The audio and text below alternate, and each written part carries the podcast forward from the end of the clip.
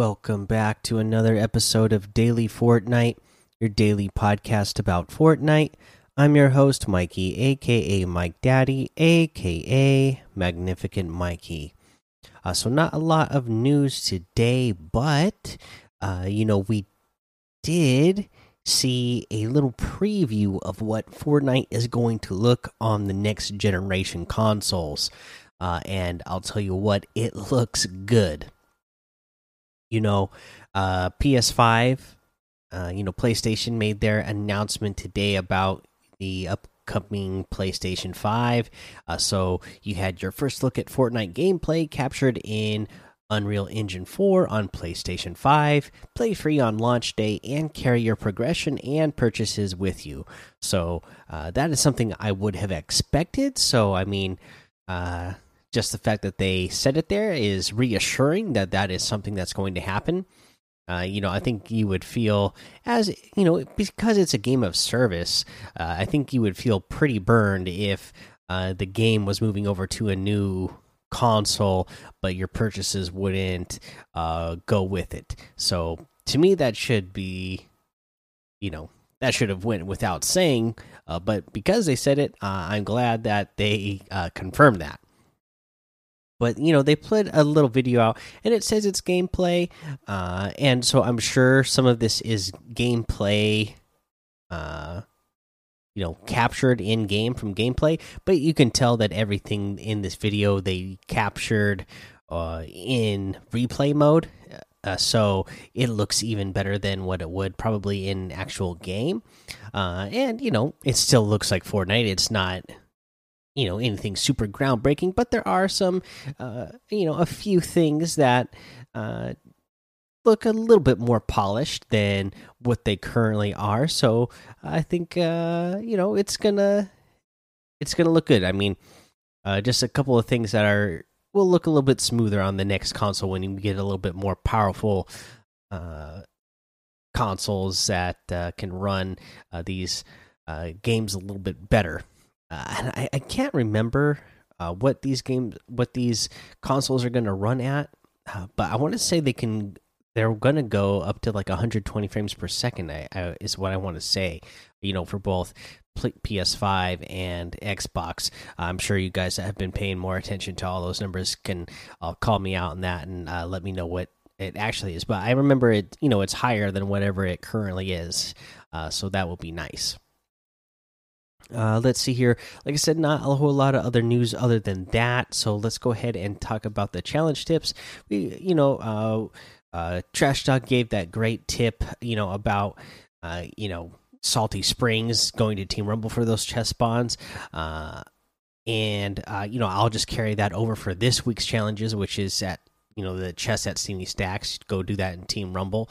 Uh, let's see here you know, also fire traps and Team Rumble because you get more supply drops in there. I think I mentioned that. I know we talked about the exploding gas cans. Uh, you know, eliminate Iron Man at Stark Industries. Definitely, you have to do that three times, and definitely do that with uh, team members uh, if you're struggling with it, because it'll be a lot easier to do uh, with with your teammates. Uh, let's see here. Uh, visit Panther's Prow. I'm pretty sure we mentioned that. That's you know in E7, uh, east of or west of Misty Meadows. Um, you know, and collect wood from Weeping Woods, 500 total. That's just straightforward. Land at Weeping Woods and get the wood. So uh, I'm pretty sure we covered everything this weekend. I, am ready for some new challenges uh, coming. Uh, should be coming tomorrow for week four. So uh, be ready for that. Uh, for now, let's go ahead and take a break. All right, now let's go over today's item shop. And once again, just an awesome item shop. Uh, so first up, let's talk about this Shadow Strike pack. Uh, so the Shadow Strike pack uh, has a bunch of you know outfits, uh, old outfits in here that have been rethemed to be black and white.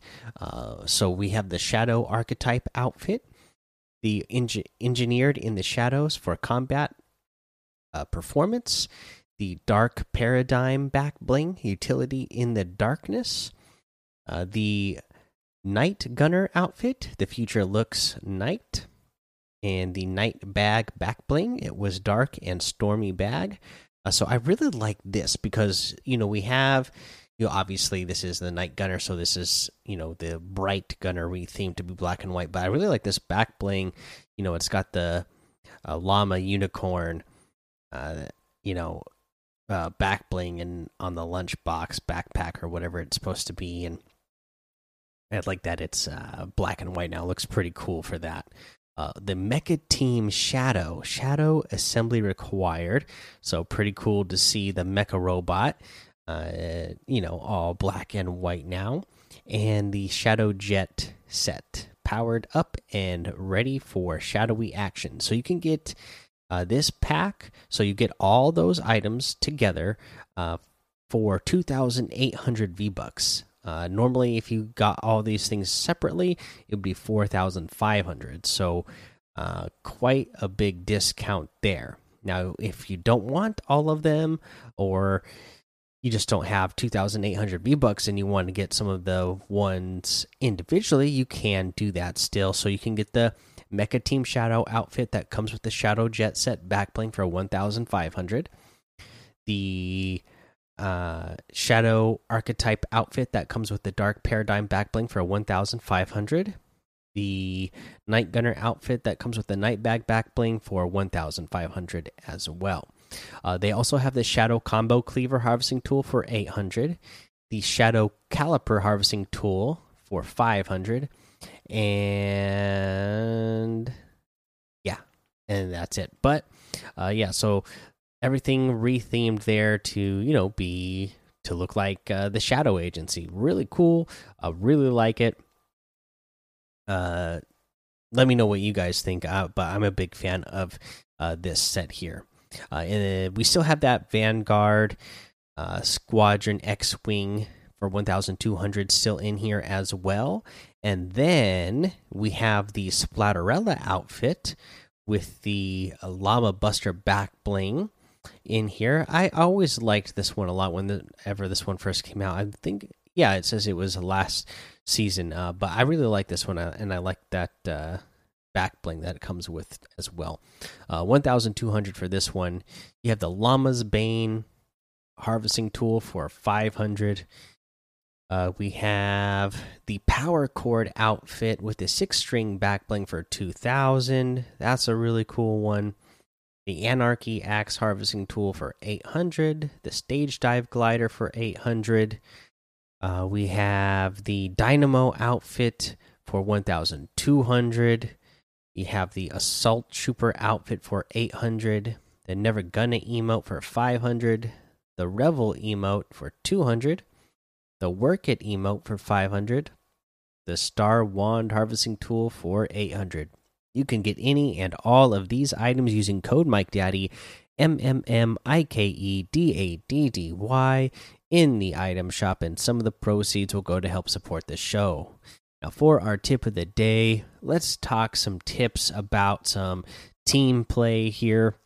You know, again, because this uh, FNCS this season is going to be trios. So, you know, you're going to be wanting to play with your friends and wanting to be watching uh, the FNCS when that comes up. So, here's uh, something that you can do with your friends and something to be looking out for uh, watching the pros uh, try to pull this move off. So, what you want to do with this is have a crash pad and boogie bombs. One person is going to throw the crash pad at somebody's box because we know that if you throw the crash pad at the edge of somebody's uh, box, it breaks the box open.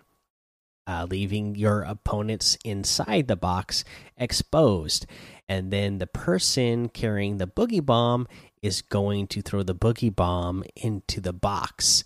Uh, you know, that way uh, your opponent or opponents inside the box will be uh, now uh, very vulnerable because uh, they are.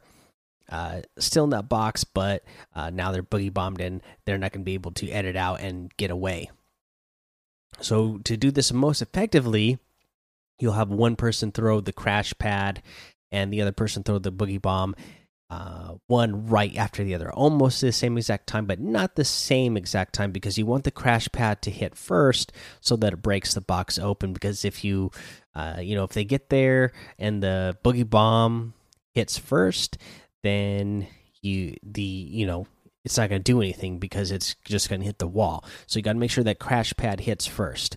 Uh, but you don't want it to be too long of a delay because if you throw that crash pad in there, uh, and then the other the second person takes too long to throw the boogie bomb, then the other people can just uh, move and edit out one of the back walls, or uh, you know maybe they possibly start firing back. So coordinate with your teammate.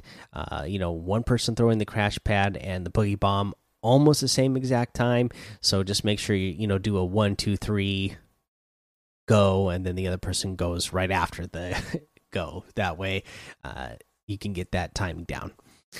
Uh, let's see here, guys. That's the episode for today. So go join the daily Fortnite Discord and hang out with us. Follow me over on Twitch, Twitter, and YouTube. It's Mike Daddy on all of those. Head over to Apple Podcasts, leave a five star rating and a written review for a shout out on the show. Make sure you subscribe so you don't miss. And until next time, have fun, be safe, and don't get lost in the storm.